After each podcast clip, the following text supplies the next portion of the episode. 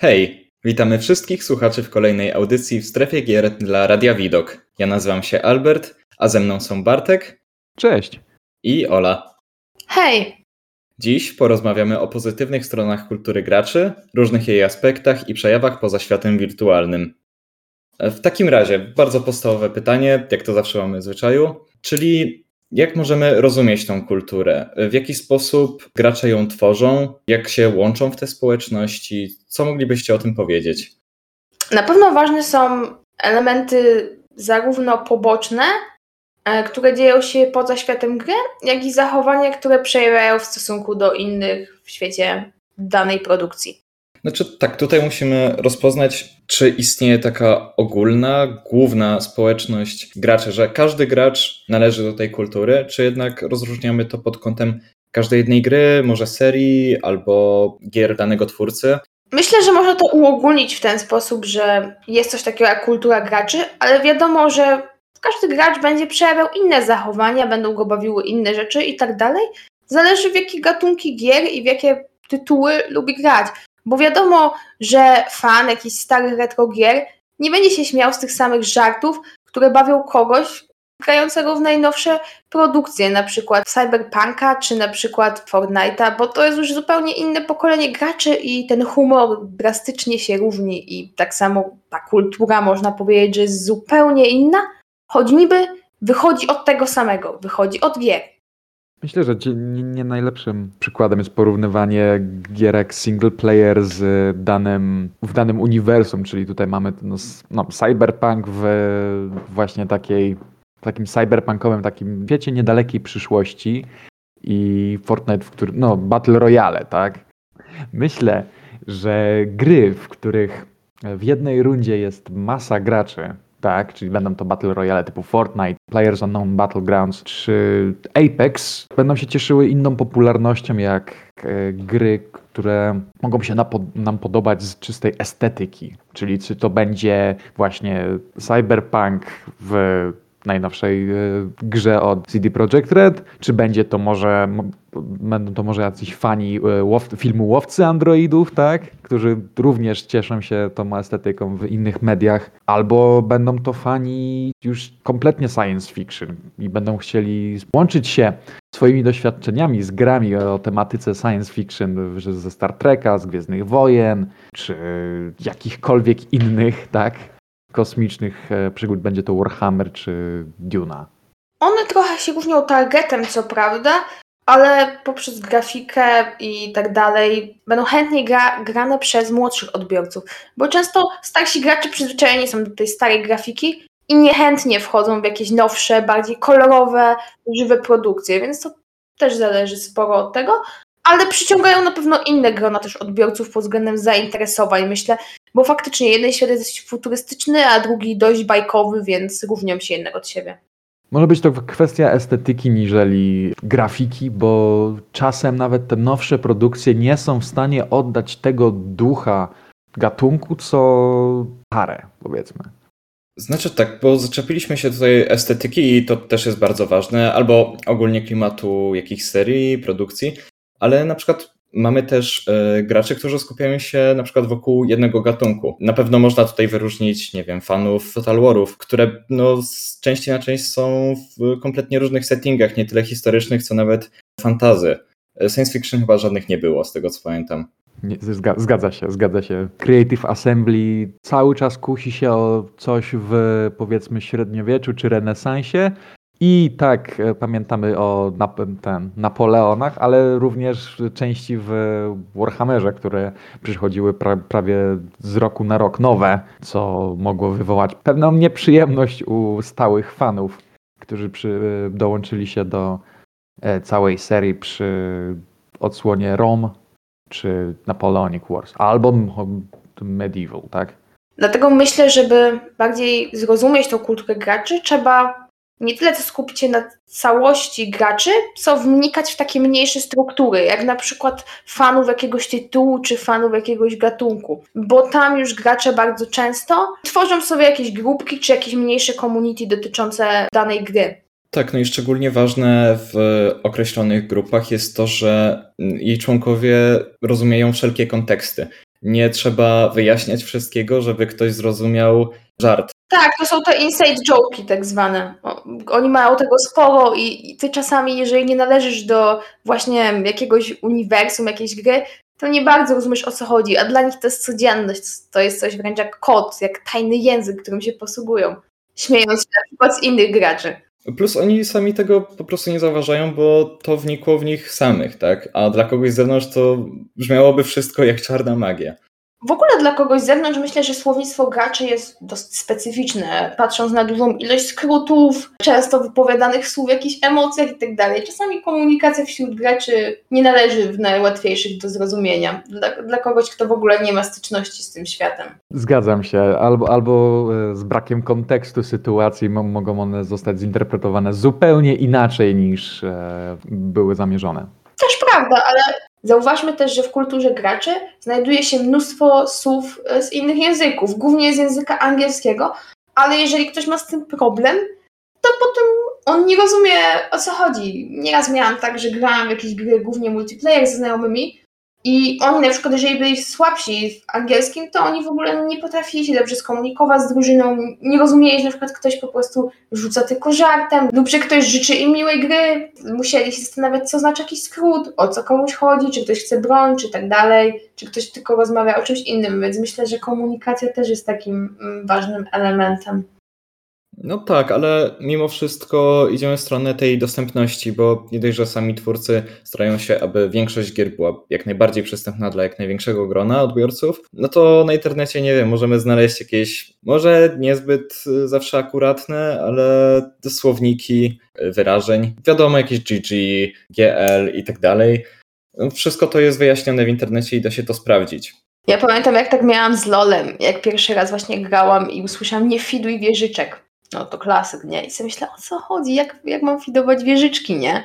I, I dopiero, ale weź mi wytłumacz, co ja mam, co, o co chodzi z tym fidowaniem, nie? Bo sobie myślę, pewnie to negatywne, skoro mówią takim tonem, ale proszę wytłumaczcie, no nie? No tak, właśnie przy wchodzeniu do określonych produkcji jest ten problem i no to nie zależy już od twórców, to gracze sami wymyślają ten język, i no, trzeba się go nauczyć z czasem, jeśli chce się dobrze ogarniać dany tytuł. Myślę, że to przychodzi dość naturalnie. Z początku jest trudno, jest dziwnie, czujesz się taki wyobcowany, ale im bardziej wchodzisz, tym więcej rozumiesz i potem złościsz się czasami nawet na nowych graczy, że oni nie ogarniają, to jest takie proste, ale no zapomina się, jak to było na początku, że te wszystkie zwroty i te wszystkie jakieś zachowania mm, były na początku niezrozumiałe do końca, nie?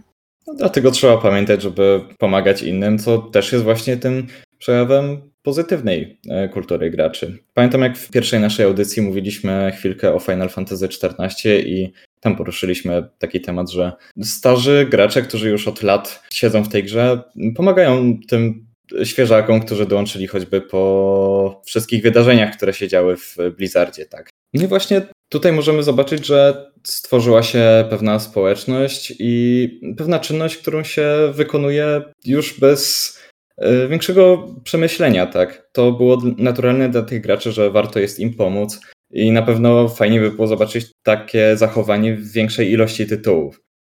Ale poza tym na pewno możemy dostrzec inne formy pomocy albo nawet twórczości, która pomaga innym graczom, jak na przykład poradniki czy specjalne treningi graczy sportowych. Na przykład mm, bardzo często na Steamie można znaleźć różnego rodzaju poradniki i one są łatwo dostępne, to też jest super sprawą, bo wystarczy tam sobie kliknąć Shift Tab i tam zazwyczaj już wyskakują jakieś poradniki.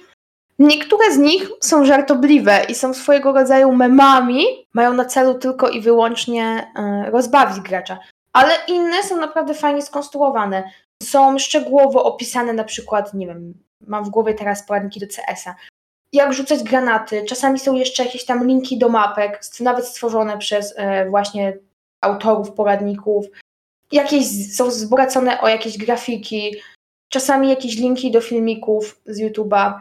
Szczegółowo są wyjaśnione na przykład krok po kroku, jak zrobić jakiegoś trudniejszego questa, gdzie pójść, co trzeba zdobyć, jak stworzyć jakiś item, poradniki do craftingów, w survivalu też, bo zazwyczaj można gdzieś to na internecie znaleźć, ale gdy wszystko jest zebrane w jednym miejscu, to dużo łatwiej jest to, myślę, ogarnąć i też zaoszczędzamy czas, gdy mamy coś zebrane w takiej małej pigułce wiedzy, zamiast szukać pojedynczych informacji gdzieś po różnych artykułach i różnych stronach. Pamiętajmy właśnie, że y, kiedy ludzie udostępniają to na takich platformach jak Steam, oni robią to kompletnie bezinteresownie. No tak, bo trzeba zauważyć, że bardzo ciężko się nawet wybić na takim poradniku, a jeśli już się uda, to, to nie ma zbyt wielu profitów, oprócz takiego poklasku, że dostaniesz trochę atencji, miłe komentarze, jakieś tam nie wiem, dodanie do ulubionych czy wyrównanie na swoim profilu, ale czysto jakichś finansowych korzyści, czy nawet jakichś innych bonusów nie ma zbyt wiele. Poza tym, że czujesz się dobrze, że pomagasz innym i poza tym, że ludzie dają ci pozytywny feedback. To nie masz nic innego poza tym tak naprawdę. No tak i możemy to nawet postrzegać w kategorii jakiegoś altruizmu, chociaż może być to za duże słowo, ale nie potrafię inaczej tego nazwać, tak? I skoro już tak zahaczyliśmy o tą kreatywną stronę, więc na pewno możemy e, powiedzieć coś więcej o nieco większych projektach, jak na przykład duże mody, chociaż nie, każde mody, jakie istnieją do gier, czy gry fanowskie, osadzone w jakimś uniwersum, albo stworzone na silniku jakiejś gry, które później wychodzą poza, nie wiem, powiedzmy Nexusa, Mm, jak na przykład było z y, Forgotten City, y, które było modem do Skyrima, a teraz bez problemu można sobie kupić na Steamie czy innych platformach. Ja na przykład e, teraz w głowie mam Cyberpunka. Zanim twórcy wydali oficjalne łatki ulepszające grę, to było sporo takich, nawet często bezinteresownych modelów, którzy robili jakieś tam ulepszenia. Chyba Żyjące Miasto tam było dodawane i jakieś tam patche poprawiające optymalizację. Tak mi się wydaje. Więc to, to też na, na pewno pomogło im to trochę w ich karierze, żeby się wybić, no bo wow, ulepszyłeś Cyberpunka, czyli bardzo nahypowaną grę. Chociaż byłaby to troszkę skrajna sytuacja, że modek wyjaśnia twórcom, jak coś zrobić, ale na pewno mógłby im dać jakąś część swojej zrobionej pracy, by mogli po prostu ją wykorzystać w grze i skupić się na innych rzeczach. Dlatego to bardzo mogło przyspieszyć rozwój prac nad jakimś tytułem, jeżeli pomagali gracze, którzy nawet nie chcieli za to zbyt wiele. Znaczy właśnie niejednokrotnie słyszymy, jak gracze pomogli przy jakiejś produkcji za pomocą modów, chociaż bardziej patchy, i później dostali pracę w studiu i to nie są odosobnione przypadki, więc jest to też jakaś korzyść, praca nad y, takimi modami, ale no, nigdy nie jest to gwarant, że uda się znaleźć pracę. To najczęściej rodzi się z bezinteresowności. I tutaj sztandarowym przykładem na pewno byłby Gothic 3, który miał niezliczoną ilość patchy od no, całej społeczności, Y, I teraz właściwie jest to chyba podstawowy sposób, by grać tą grę, bo bez tych patchy byłoby naprawdę ciężko. Ale dobrze, tak nawet odsuwając te większe projekty, no tutaj na pewno, żeby jeszcze polecić kilka rzeczy, to Kroniki Myrtany, które wyszły niedawno do Kotika dwójki, czy Dark Project, który mm, jest takim, powiedzmy, następcą klasycznych Thiefów. Ale odejdźmy teraz od tych większych projektów i nadal nie odchodźmy od tej strony kreatywnej, bo Cóż, w sieci na różnych platformach, czy to Reddit, czy nawet e, strony na Steamie, czy kanałach na Discordzie, możemy zobaczyć jeden z najbardziej powszechnych przejawów kultury, czyli memy, żarty, fanarty. Myślę, że każda produkcja ma jakiś tam swój mem. Niektóre są może bardziej popularne, niektóre mniej, ale już kwestie dialogowe w grze czasami potrafią być tak zabawne, że ludzie używają ich jako Y, szablonów do różnego memu. Na przykład sporo kwestii z Wiedźmina tak ma, że potem jest cytowane gdzieś indziej. To też dość niewybredny humor i niewybredne żarty w samej produkcji, więc jest to świetna okazja, żeby stworzyć coś zabawnego, jakiś rysunek, czy właśnie z tekstem z Wiedźmina, czy dodać go chociażby do jakiegoś filmiku. Na przykład na TikToku też to jest bardzo rozwinięte, tam jest sporo różnych memów z gier, czy te kwestie są używane do robienia memów o życiu codziennym. Właśnie z Wiedźmina widziałam też sporo. Tak, szczególnie, że żyjemy już w takiej epoce, gdzie memy są na tyle powszechne, że twórcy sami inicjują pewne wydarzenia w grze, które przerodzą się w pewien fenomen i to też napędza im PR, napędza im sprzedaż, więc wszystkie strony korzystają. To też na pewno trzeba wspomnieć o easter eggach, gdzie można znaleźć jakieś ukryte rzeczy lub nawiązania do jakichś innych gier. Pamiętam właśnie, że teraz, jak jesteśmy na czasie, w Dying Light'cie mm, są ukryte easter eggi dotyczące Left 4 Dead. I właśnie był tam easter egg, że jest piekarnia o nazwie Left 4 Bread. Coś w tym stylu. Niby coś prostego, a jednak cieszy oko, jak się gdzieś to spotka przy okazji w grze. Tak, i to właśnie zrozumieją tylko i wyłącznie gracze, którzy znają pewien kontekst, więc muszą mieć jakąś wiedzę. To zrozumieją głównie fani gier o zombie, więc to bardzo, bardzo się zazębia. Czy tak samo jak się robi różnego rodzaju e, kooperacje. Na przykład Dying Light zrobiło kooperację z Antarnet. Obydwie gry, gry o zombie, mimo że totalnie równe pod wieloma względami, to jednak połączyli siły i właśnie do Antarnet zostały dodane worki na śmieci i można, jak się na nie skoczyło, to nie było upadku. I to był pomysł zaczerpnięty z Dying Lighta. A do Dying Lighta dodali jakieś tam te główki kwadratowe, w sensie takie maski w postaci z Antarnet i jeszcze jakieś tam chyba inne rzeczy. Więc też całkiem zabawne, że połączyli tytuły, które się na pierwszy rzut oka wydawały nie do połączenia. I dzięki temu zapewnili sobie twórcy obydwu gier trochę ruchu między sobą, bo od razu się aż zachciało grać inną grę, jak w pierwszej widzisz nawiązanie do drugiej. Przynajmniej w moim przypadku tam tak było, bo od razu odpaliłam Antarnet właśnie, żeby sprawdzić serio e, te worki i te nowe dodatki od twórców, zaczeknięto twórców z Dying Lighta. Znaczy no faktycznie jest to ciekawe, bo gracze nawet tutaj nie tyle między sobą, co nawet między twórcza, twórcami samymi widzimy kreowaną kulturę, która no cóż, bez graczy by nie istniała, bo odbiorcy muszą istnieć, by te gry się utrzymywały, tak? Zauważmy to, że odbiorcy bardzo często podsyłają fajne pomysły. Mają, mm, piszą różne posty, robią jakieś ankiety, czy starają się inicjować jakieś petycje, by coś zmienić w grze. Tak jak wspominaliśmy którejś z poprzednich audycji o petycji do Red Deada, gdzie gracze chcieli coś zmienić, więc po prostu zaczęli działać i podziałało to czy nie? Czekajcie. No niestety, jeżeli chodzi o przykład Save Red Dead Online, to petycja się nie udała, ponieważ Rockstar ogłosił e, pracę nad GTA 6, które usprawiedliwia ich do powiedzmy zmniejszenia pracy nad innymi produkcjami. Mimo, że obiecano, że remasterowane ostatnio trylogie GTA będą dostawały swoje oddzielne update'y, i GTA Online również będzie dostawało własne. Ale nie jestem w stanie sobie nic przypomnieć odnośnie Red Deada i z tego co widziałem ostatnio w grze, to no niestety niewiele dała ta akurat petycja. Znaczy dobrze, tutaj wiem, że może nie na temat, dygresja, ale muszę wejść z tobą w polemikę, bo minęło zbyt mało czasu, żeby zobaczyć faktyczny efekt i nie, moim zdaniem kompletnie nie usprawiedliwia ich to, że zapowiedzieli sobie GTA 6. Nie, no właśnie, wiesz, zgadzam, zgadzam się, absolutnie ich to nie usprawiedliwia, ale z innego punktu widzenia mogą sobie dać już jakiś powód do e, niepracowania nad tytułem, skoro są zajęci innym. Ale Rockstar nie jest już małym studiem, które pracuje nad Bullim, czy nad nową, y, nowym tym, tytułem o kradzieży samochodów, tylko jest całkiem już spory na rynku gier. I myślę, że daliby sobie radę wstawiać przynajmniej nowe rzeczy, tak jak do GTA Online w Red Deadzie Online. Tak, no mam nadzieję, że za jakiś czas zobaczymy tego efekty, chociaż mam spore wątpliwości wobec tego. No nic. Dobrze, wracajmy do tematu.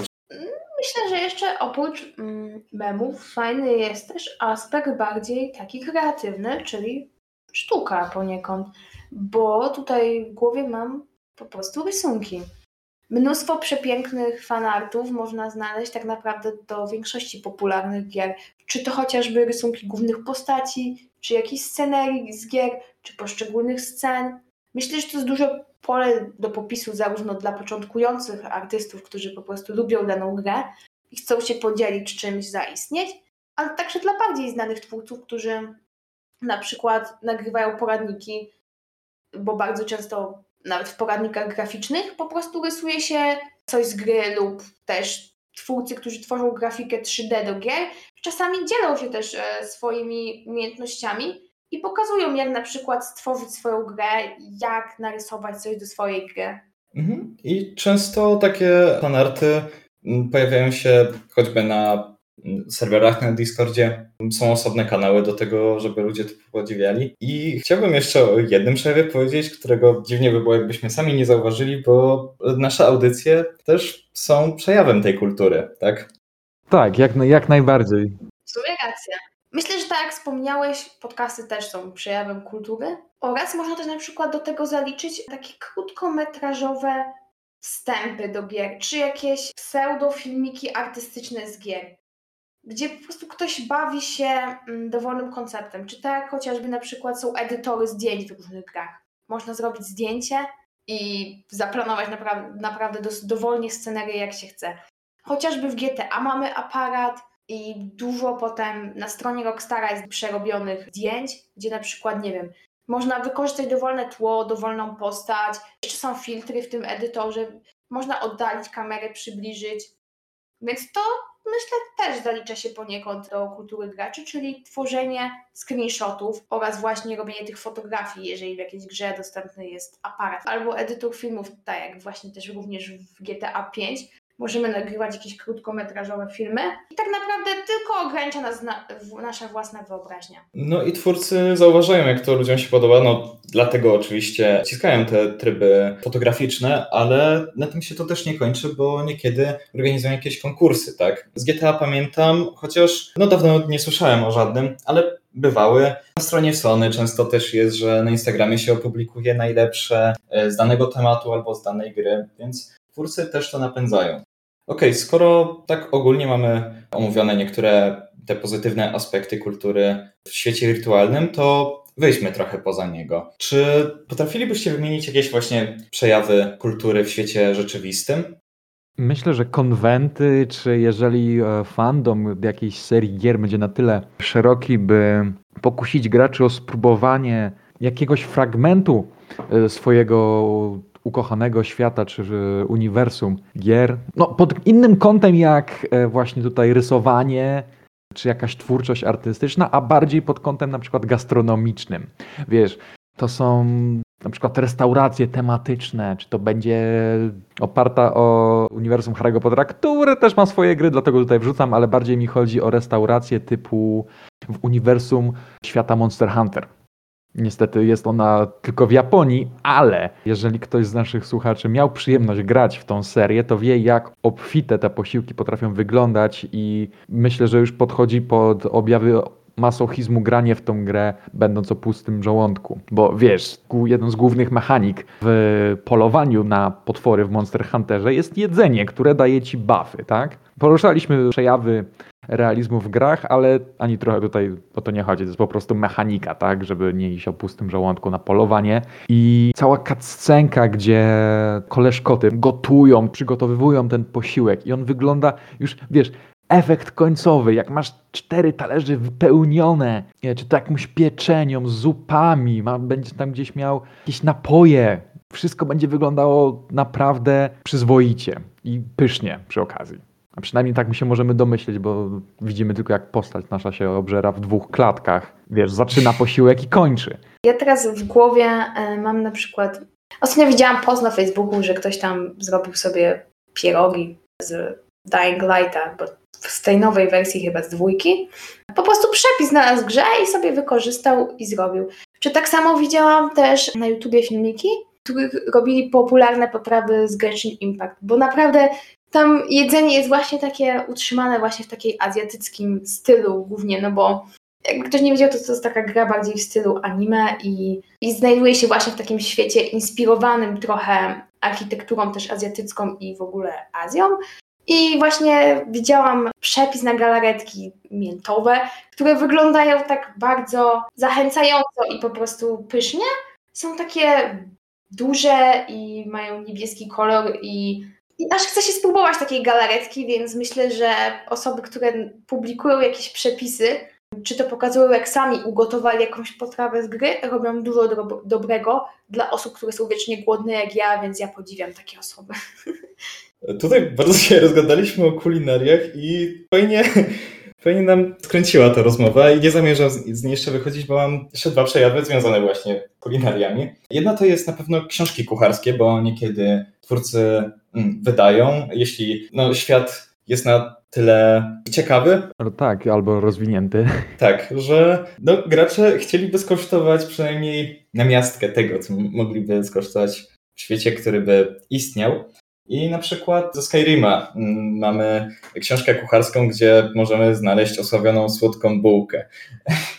Albo pamiętam wyszła gra Crossroads Inn i jakby to jest gra o karczmie, aż kusi człowieka, aby coś takiego wydać. I tak, faktycznie w wersji pudełkowej dorzucana była e, księga kucharska. Jeśli dobrze pamiętam, bo niestety nie kupowałem. Poza tym, tu może troszeczkę odejdę od gier wideo, ale dalej pozostajemy w tej sferze i są też bary albo restauracje tematyczne, gdzie można wypożyczyć sobie planszówki albo takie nakierowane na jedną grę, na przykład Magic the Gathering, gdzie ludzie przychodzą nie tylko po to, żeby się napić czy czegoś najeść, e, ale też, żeby pograć właśnie w karty ze sobą, w tą jedną określoną grę. Okej, okay, czy znacie jeszcze jakieś te przejawy kultury graczy w świecie rzeczywistym? Może teraz poza kulinariami, chociaż temat był naprawdę ciekawy.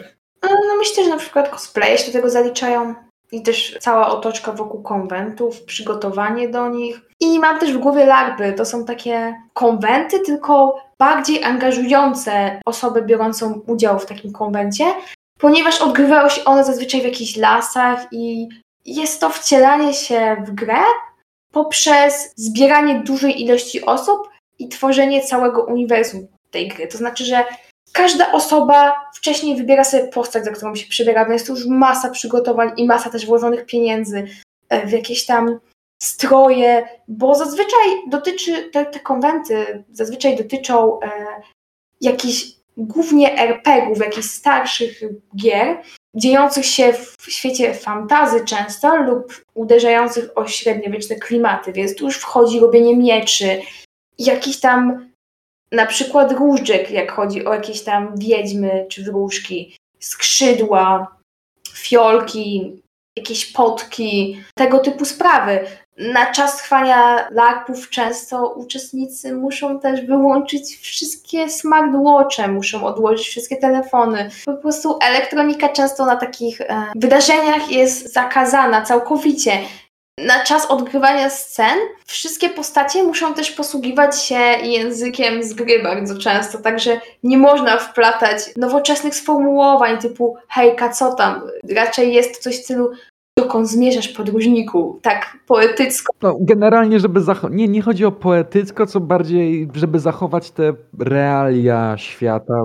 Nie, nie, nie trzeba to od razu się zwracać jak podróżniku, tylko no, wiesz, starasz się, starasz zachować słownictwo, które mo, mo, mogłoby być używane w tym miejscu, w tym uniwersum, tak? Jeżeli to będzie LARP bazowany na fantazy, to mogą to być lasy, tak? Ale zazwyczaj myślę, że bardziej larpy, jeżeli są już o jakiejś e, sprecyzowanej estetyce, ale chcą one być przeprowadzone na przykład w kontrolowanym środowisku, to raczej będą wynajmowane hale. I jakkolwiek, no, jest grupa ludzi, którzy chodzą na larpy, bo chcą na przykład e, mieć to, to, poczucie, że jest ta walka z tego świata, to w larpach wolę raczej ten element imersji, te, tych interakcji między ludźmi. Zależy też, jak długo trwają larpy, bo nieraz jest to kilka dni, a nieraz się pewnie zdarza, że jest i tydzień, i dwa, i więcej. I też trzeba zauważyć, że larpy poniekąd też są sztuką, bo nazywane jest to właśnie takim improwizowanym teatrem. Jest to takie może pieszczotliwe określenie, bo tak naprawdę jest to, jest to odgrywanie ról, ale nie jest to aż tak profesjonalne. Tak naprawdę w LARPie może każda osoba wziąć udział, jeżeli tylko zna się na uniwersum gry i bardzo jej zależy na tym i postara się naprawdę wcielić swoją rolę, zrobić jak najwięcej, wykonać świetny strój, czy jakoś go nabyć, chociaż większość larpowiczów, jak to mogę tak ująć, czerpie raczej frajdę z własnoręcznego wykonywania tego typu strojów. I myślę, że to też jest świetny właśnie przejaw takiego przeniesienia gry na życie realne, w którym musi być duża imersja i tak samo jest to coś innego, ale na pewno można to zaliczyć do kultury graczy, no bo jednak pomysł zaczerpnięty jest zazwyczaj z jakiejś gry i jest po prostu odwzorowany w świecie rzeczywistym. E, no, skoro ten, mm, te przejawy w świecie rzeczywistym mamy za sobą, to jeszcze możemy powiedzieć chyba chwilkę o tym, jak gracze wspierają albo to twórców, albo. E, cóż, mówiliśmy o wspieraniu innych graczy, ale tutaj widzę, że pominęliśmy choćby e, zbiórki, jakie dzieją się na streamach, a no, streamy często są powiązane z jakimiś konkretnymi grami, a raczej twórcami, którzy grają te konkretne gry. I czy to zbiórki charytatywne na chorą osobę, czy wobec któregoś kraju, jak mamy obecnie. No jest to z pewnością duża pomoc. Ale y, mamy jeszcze pomoc względem twórców. I czy, czy znacie jakieś y, przejawy, gdzie to gracze się zbierają po to, by komuś pomóc? No to na pewno myślę, że też kupowanie rzeczy związanych z grą, ale nie będącą jej zawartością. Czyli no na pewno gracze, którzy chcą wesprzeć twórców, no po zakupieniem gry i ewentualnych DLC mogą też uderzyć w merch, jeżeli gra takowy posiada.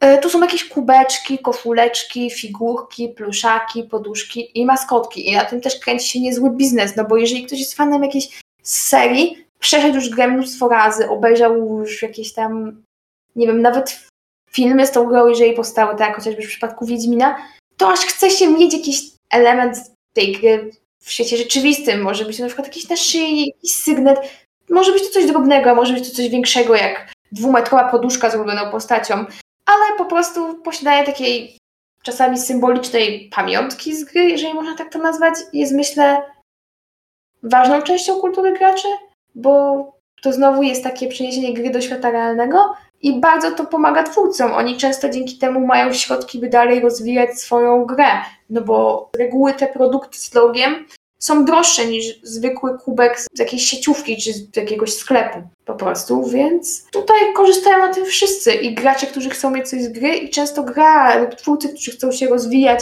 i iść cały czas do przodu. Mhm.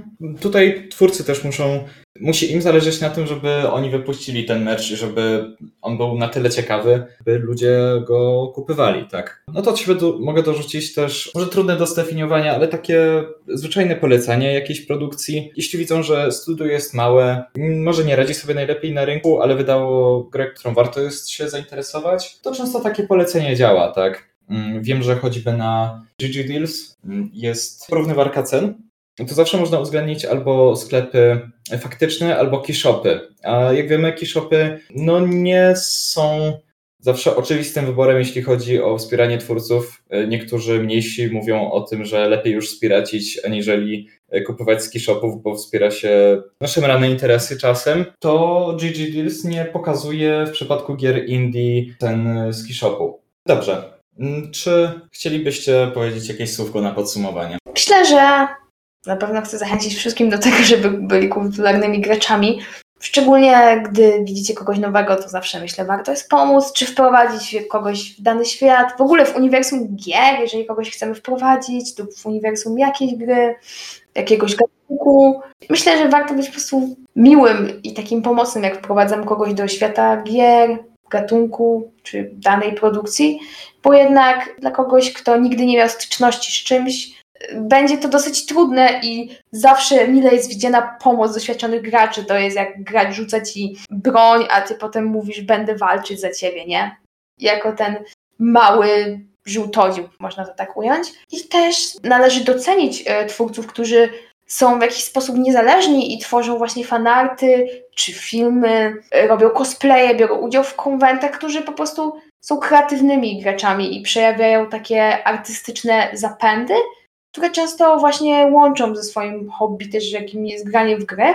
I może powstać z tego naprawdę wiele pięknych rzeczy, które inspirują też twórców i mogą pozytywnie wpłynąć na rozwój gry. Tak jak chociażby tutaj mamy jakieś mapy do gier, mody, czasami też skórki do gier, które są tworzone przez zwykłych graczy, a potem oficjalnie trafiają do gry, mody, dzięki którym twórcy mogą również zmienić troszeczkę zawartość swojej gry, tworzenie memów, które zawsze poprawiają humor lub tego typu rzeczy. Myślę, że wspieranie graczy w tych działaniach jest bardzo ważne, ponieważ rozwija taką kreatywną część społeczności graczy i wspiera też poniekąd twórców w promocji gry czy w, czy w jej ulepszaniu. Mhm.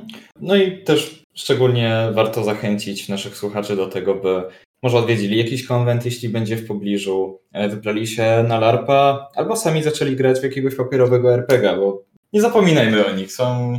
I to są jednak inne właśnie zupełnie emocje, nie? Tak samo zachęcamy do słuchania różnego rodzaju podcastów, chociażby jak naszego. Tak, i po prostu nie dość, że warto wspierać e, kreatywnych graczy, to jeśli ktoś czuje takie powołanie, warto się też nim stać i podzielić się czymś ze społecznością, bo hej, może kiedyś to przyniesie Wam jakieś profity, nawet jeśli nie, to na pewno dobrze spędzicie czas. Tak, trzeba wziąć pod uwagę, że jest przy tym sporo frajdy i można dostać też dużo ciepłych e, słów od innych graczy, którzy będą zachwyceni naszym dziełem albo naszym pomysłem po prostu.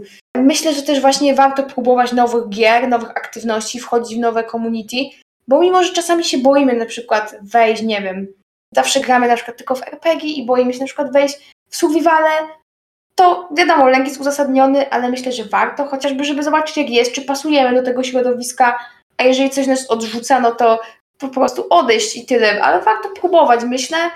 I też tworzenie różnych rzeczy jest super i ja bardzo właśnie wspieram także tych małych e, twórców, którzy niekoniecznie jeszcze się wybili, ale tworzą właśnie jakieś fanarty lub różne tego typu dzieła. Zwyczajnie mówiąc, zachęcamy do otwartości. I do eksplorowania swoich umiejętności i eksperymentów. Dokładnie tak.